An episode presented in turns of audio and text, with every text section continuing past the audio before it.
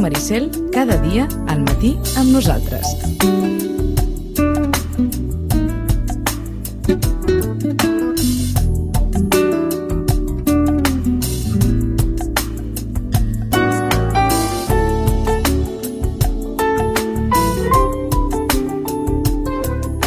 En aquesta setmana de Carnaval començarem considerant l'horari de la biblioteca.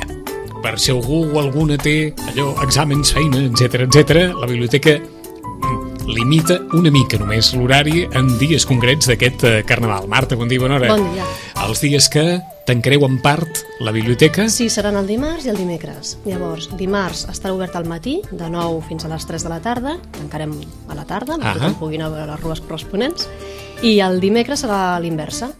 Tancarem al matí i obrirem de 3 a dos quarts de 9. D'acord. Per tant, dimarts a la tarda tancat, Exacte. dimecres al matí matí tancat, tancat. obert dimarts al matí, obert dimecres a la tarda i la resta de dies normal com Horari sempre. habitual. Eh? Per on comencem el repàs, Marta? Doncs recordant que aquest divendres no hi haurà del conte, eh? per Carnaval doncs tot queda una miqueta així diferent. Penjant. Sí, sí, perquè bé, les escoles, com deies, va carnestoltes i els nens doncs, estan per, per altres coses. De totes maneres, la biblioteca estarà oberta i qui vulgui, doncs, evidentment, pot venir disfressat i tot, que ens ensenyi les seves disfresses i, i bé, estar a la biblioteca però no hi haurà hora del conte aquest divendres, Perfecte. recordar això. Per tant, si continuem l'agenda, aniríem el dimecres 10 de febrer, que s'ha bueno, deixat uh, la xerrada literària que tocava, doncs no, no s'ha mogut de lloc O ni sigui, d'hora. el, el dimecres de cendre hi ha xerrada literària, eh? Sí, a càrrec de la filòloga Helena Cejas, serà a les 8.15, una miqueta més tard de les 8 del vespre, i el títol d'aquesta xerrada és El teixit de la novel·la. L'Helena cada mes ens porta un tema relacionat amb les novel·les i recomana diferents novel·les que van al voltant d'aquell tema. En les últimes sessions ha parlat del temps, de l'espai, del to del narrador en general dintre de, de la novel·la. I en aquesta ocasió, per tancar aquest cicle dedicat als components de la novel·la, ens parlarà sobre les trames, sobre el teixit, sobre allò on, Sí, on es desenvolupa l'acció. Exacte, sobre l'argument. N'hi ha de circulars, n'hi ha diferents línies argumentals que es creuen o es van trobant al llarg de, del llibre, n'hi ha que són com matriosques russes, no? que estan una dins de Mhm. l'altra, hi ha trames que estan estructurades de diferents maneres, doncs l'Helena ens parlarà sobre això el, el dimecres dia 10. D'acord, això ja és per lectors avançats, eh? Per aquells que volen anar una miqueta més enllà, estrictament sí, però de la l'Helena també història. ho fa d'una manera molt, Ahà. molt dinàmica i molt a un nivell que, que tothom doncs, pot trobar aquesta curiositat no? de saber més coses sobre allò que llegim, no quedar-nos només amb l'argument, o sinó anar Si una no, miqueta més amb les diferents tècniques Mhm, que sí. Després eh, es palesen en qualsevol llibre o, o novel·la. Exacte. Aniríem el divendres 12 de febrer, que sí que tindrem hora del conte, dos quarts de sis. Uh, vindrà el Bernat Soler, que ha estat en dues ocasions més a la biblioteca. El Bernat és actor, i llavors ell, a partir d'un llibre, es munta tot un espectacle de petit format, però que ens deixa tots bocabadats. I en aquesta ocasió ens explicarà un conte casteller, es diu En Maginet Tap de Bassa. Eh, L'he portat. Aquest de... és el conte de la colla castellera de Tarragona? No, és de, Vila, No, de Vilanova. de Vilanova. Sí, és de Tens l'editorial raó, El i tant, si van amb, aquest, amb, el, sí. amb el groc que, Sí. amb el groc dels bordegassos, eh? Exacte, aquest grot arròs. Doncs és de, de l'editorial del Sapilanança de Vilanova, està escrit per Mien Bemoia i les il·lustracions són de Sebastià Serra. En Bien Memoria, que és un altre dels puntals Mm, del exacte. món de les tradicions. Sí. Doncs està explicat eh, d'una manera amb, amb molta gràcia i una història molt bonica d'un nen amb magí que ell se n'adona que és més baixet que la resta dels seus companys amb maginet. I és clar hi ha coses doncs, que li costa més de fer. Eh, jugar a bàsquet, per exemple, clar, no, no arriba. Quan juga a futbol, doncs, les seves cames són més curtetes i també li costa driblar. En fi, que ell es troba amb dificultats pel fet de ser baixet. I ell pensa que hi ha d'haver alguna cosa a fer expressament que els baixets doncs, puguin tenir èxit també, no? que puguin destacar precisament per aquest fet. I un dia doncs, s'acosta a Festa Major a, a Vilanova i el seu tiet li descobreix el fantàstic món dels castells on tothom hi té cabuda, on tothom té el seu paper, on tothom és important, siguis alt, siguis baix, siguis gras o siguis prim, perquè en una colla de castells doncs, cada, cada lloc, depèn de, del lloc del castell on, on et col·loques, doncs el teu físic encaixa perfectament mm -hmm. en, aquell, en aquell lloc. No? És un espectacle de titelles, això, sobre el món casteller, però amb aquesta vessant també doncs, que tothom pot ser important i tenir el, el seu lloc no? en, en el món. Eh, està basat en aquest conte i serà explicarem. En Maginet, Tap de Bassa. Una història molt maca, eh? En versió llibre o en versió titelles. Mhm. Exacte. Mhm. El proper 12 de febrer, el divendres de la setmana que ve, passat el dimecres de cendre, a l'hora del conte a la biblioteca. Uh -huh. I el dissabte 13 de febrer ens estrenarem amb una experiència que en altres biblioteques ja fa molt de temps que es fa, que són contes, hores del conte expressament per nadons, de 0 a 3 anys. No ho havíem fet mai a la biblioteca perquè al tenir l'hora del conte setmanal el públic també és molt variat i també en nens doncs, de 4, 5, 6 anys amb els germanets petits que de fet són nadons i també doncs, hi estan i a la seva manera escolten i participen no? d'alguna manera però volíem fer alguna cosa expressament per a aquests menuts i llavors vindrà una companyia que es diu Musinfant de música Infant. infant i ens explicaran pim-pam, instruments i rapicam agafen la part musical de la música, no? Tot el, moltes vegades ho hem parlat aquí, hores al conte, molt relacionades amb la música, amb els instruments, i això doncs ha enfocat això en, en nadons, no? I que més estiguin molt a prop, no, a prop no, de fet són com jocs de falda Ahà. i han d'estar a la falda del pare o de la mare. Entesos. Per tant, no és com una hora del conte que els nens estan més avançats, els pares normalment s'asseuen més al darrere, No, no. algú sí que comparteix més, aquí no, aquí serà evidentment doncs, jocs de falda. Pares, fills Mhm. i la gent de, de Musifant de Musifant. Són dues educadores en música, la Cristina i la Mònica, i han engegat doncs, aquest projecte educatiu, el porten a escoles, el porten a biblioteques, en més d'així de petit format, i fins i tot es poden fer encàrrecs a mida i anar a domicili a fer activitats relacionades amb la música, doncs, no sé, una festa d'aniversari, per exemple, doncs els nens, els cosinets, els pares i mares, i llavors fer una activitat així molt propera i, i molt de, de viure la, la música i tot el que provoca en un nadó. Un projecte ben bonic, no? Molt, molt, sí. Per sí, què? sí. Ens deia la Marta, per nadons de 0 a 3 anys. De 0 a 3 anys, exacte. Per tant, l'ambient de la biblioteca serà diferent, serà una hora del conte amb molta música, barregen, eh? Conte, amb Ah. història, però sobretot és això, és la, la música, no? els instruments. O sigui que d'entrada que ningú tingui cap mena de prevenció, perquè aquesta hora del conte vol precisament això. Mhm. Exacte. Acostar, encara que dongui aquella sensació de dir no, té, té 3 mesos, té No, 2 no, no, mesos, no vés a saber. res. No, no. Qualsevol. Sí, aquesta serà expressament per ells. Els habituals, doncs pot ser que un nen d'un anyet, doncs en cert moment, Ahà. hi connecti amb el conte, depèn també del narrador que ve, no? si porta més materials, més objectes, però clar, està més pensat en seguir un argument de la història. En canvi aquesta és totalment sensorial i, i perquè ho disfrutin. Tornem a recordar dia i hora. Dissabte dia 13 a les 11, no dit, a Entesos. les 11 del matí. Dissabte al matí, eh? Mhm, Ho dic exacte. per, per aquells, hora del conte habitual, divendres dia 12, aquesta hora del conte dedicada a nens i nenes de 0 a 3 anys, el dissabte dia 13 a les 11 del matí. Mm, Recordar que es continuen fent els grups de lectura habitualment, com que són grups tancats, no ho recordem perquè qui participa doncs ja, ja Però sap que- el però que calendari. quedi clar que s'estan fent. Però sí que volíem recordar que hi ha hagut un canvi de data, i llavors per als participants del Club de Literatura Francesa, la tertúlia s'havia de fer aquest dimarts passat, el dia 2, es va haver d'anul·lar i passarà a ser el dia 23 de febrer, a dos quarts de sis. Igualment al mateix lloc eh, es llegirà la tri trilogia de l'ocupació d'en Patrick Modiano, un, un autor que el recomanem moltíssim. Eh, també en els clubs de lectura s'ha afegit un mes, des de fa poquet, el Llegir i Créixer, que també ja té les places Sí. ocupades, un club sobre autoajuda, i en aquest cas estan llegint l'elegància de l'erizo, de la Muriel Barberi, després també en tornarem a parlar. I bé, doncs hi ha el Book Club, el de Literatura Universal, l'Àgora, i després també eh, un club de lectura especial que es farà el dimecres 17 de febrer, que és el de les trobades de clubs de lectura del Paredes Garraf, que si recordem l'any passat N'havíem parlat Sitges- d'una a Vilafranca, em sembla que Sí, era. es va fer a Vilafranca, a Vilanova, Ahà. a Sant Sadurní, l'any passat que va ser a Sitges, que Exacte. vam estar amb la Mònica Esgustova, i aquest any la protagonista, l'autora protagonista és la Sílvia Romero, i es farà la trobada a Santa Margarida i els monjos. Ahà. I com sempre, hi ha una delegació sitgetana de Club de Lectura. Exacte. que anirà... Fa poquet que s'obria el termini per apuntar-se en aquest club especial. La trobada serà el dia 17 de febrer, llegirem Amor a Sang Freda, i posteriorment, el dia 3 de juny, té lloc la trobada amb tots els assistents que han llegit diferents novel·les d'aquell autor i es troben amb l'autor i li poden traslladar les seves preguntes Ahà. o qüestions. Perfecte. Mm, Molta activitat en els clubs de lectura, eh? Sí, sí per això que no, normalment no ho comentem, perquè és una cosa que roda sola i són grups tancats, Sí, no? sí, que amb- ens apuntem al setembre i després ja...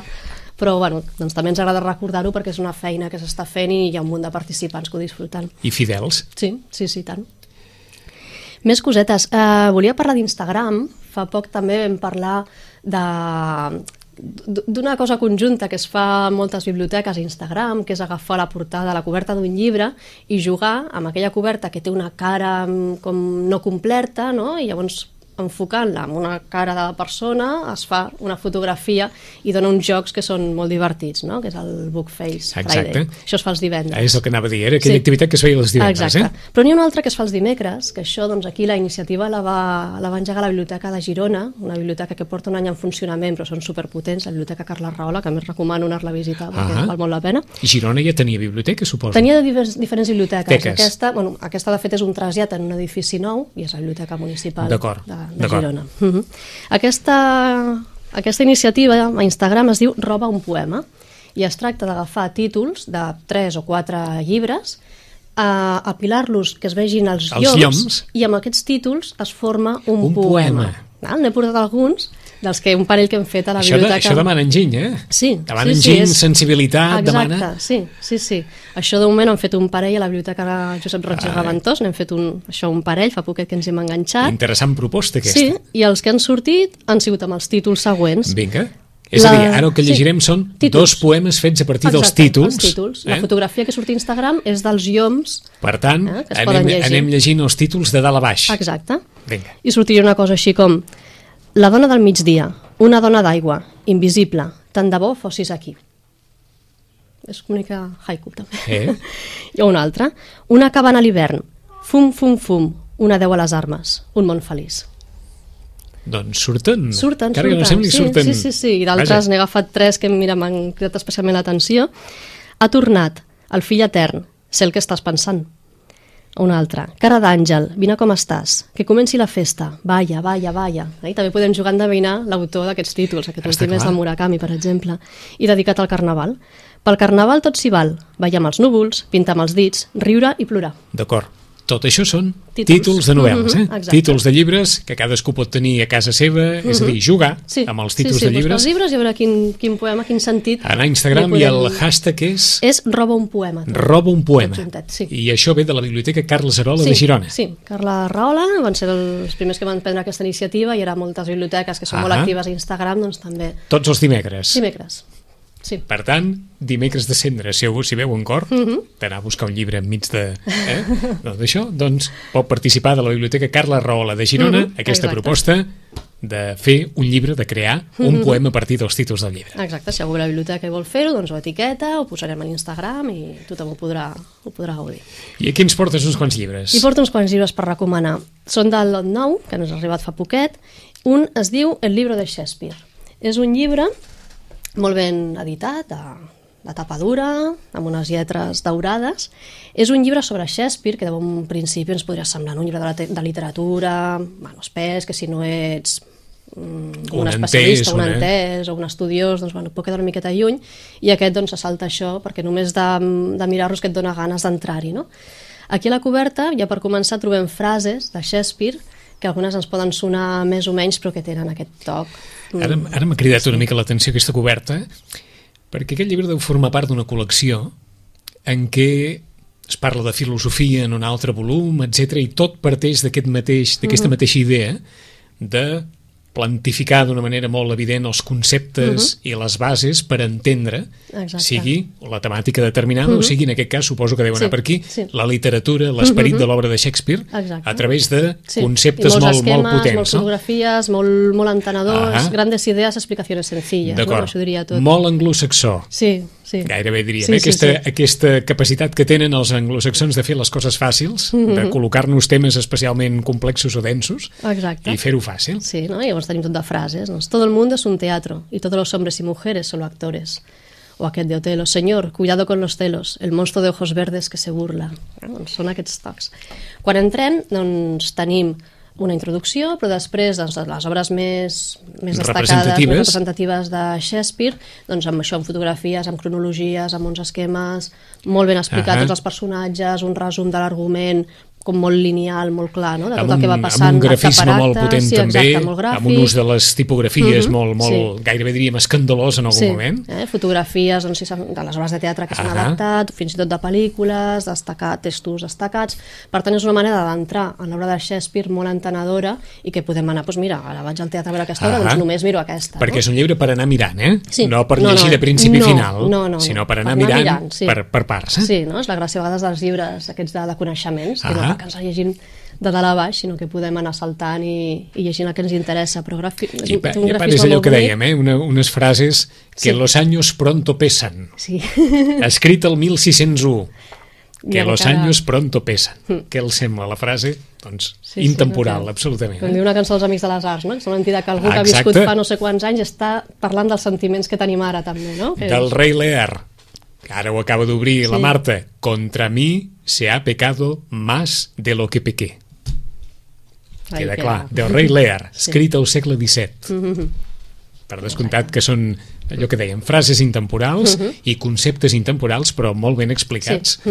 Us acaba d'arribar, vaja. Acaba d'arribar, novet, amb el, amb el lot. Un llibre de literatura, però molt divulgatiu i que volíem destacar. Doncs a qui li agradi Shakespeare o qui es vulgui acostar a l'obra de Shakespeare, aquí ho tenen, el libro de Shakespeare. Mhm. Després han arribat novel·les, també. Destacaria tres.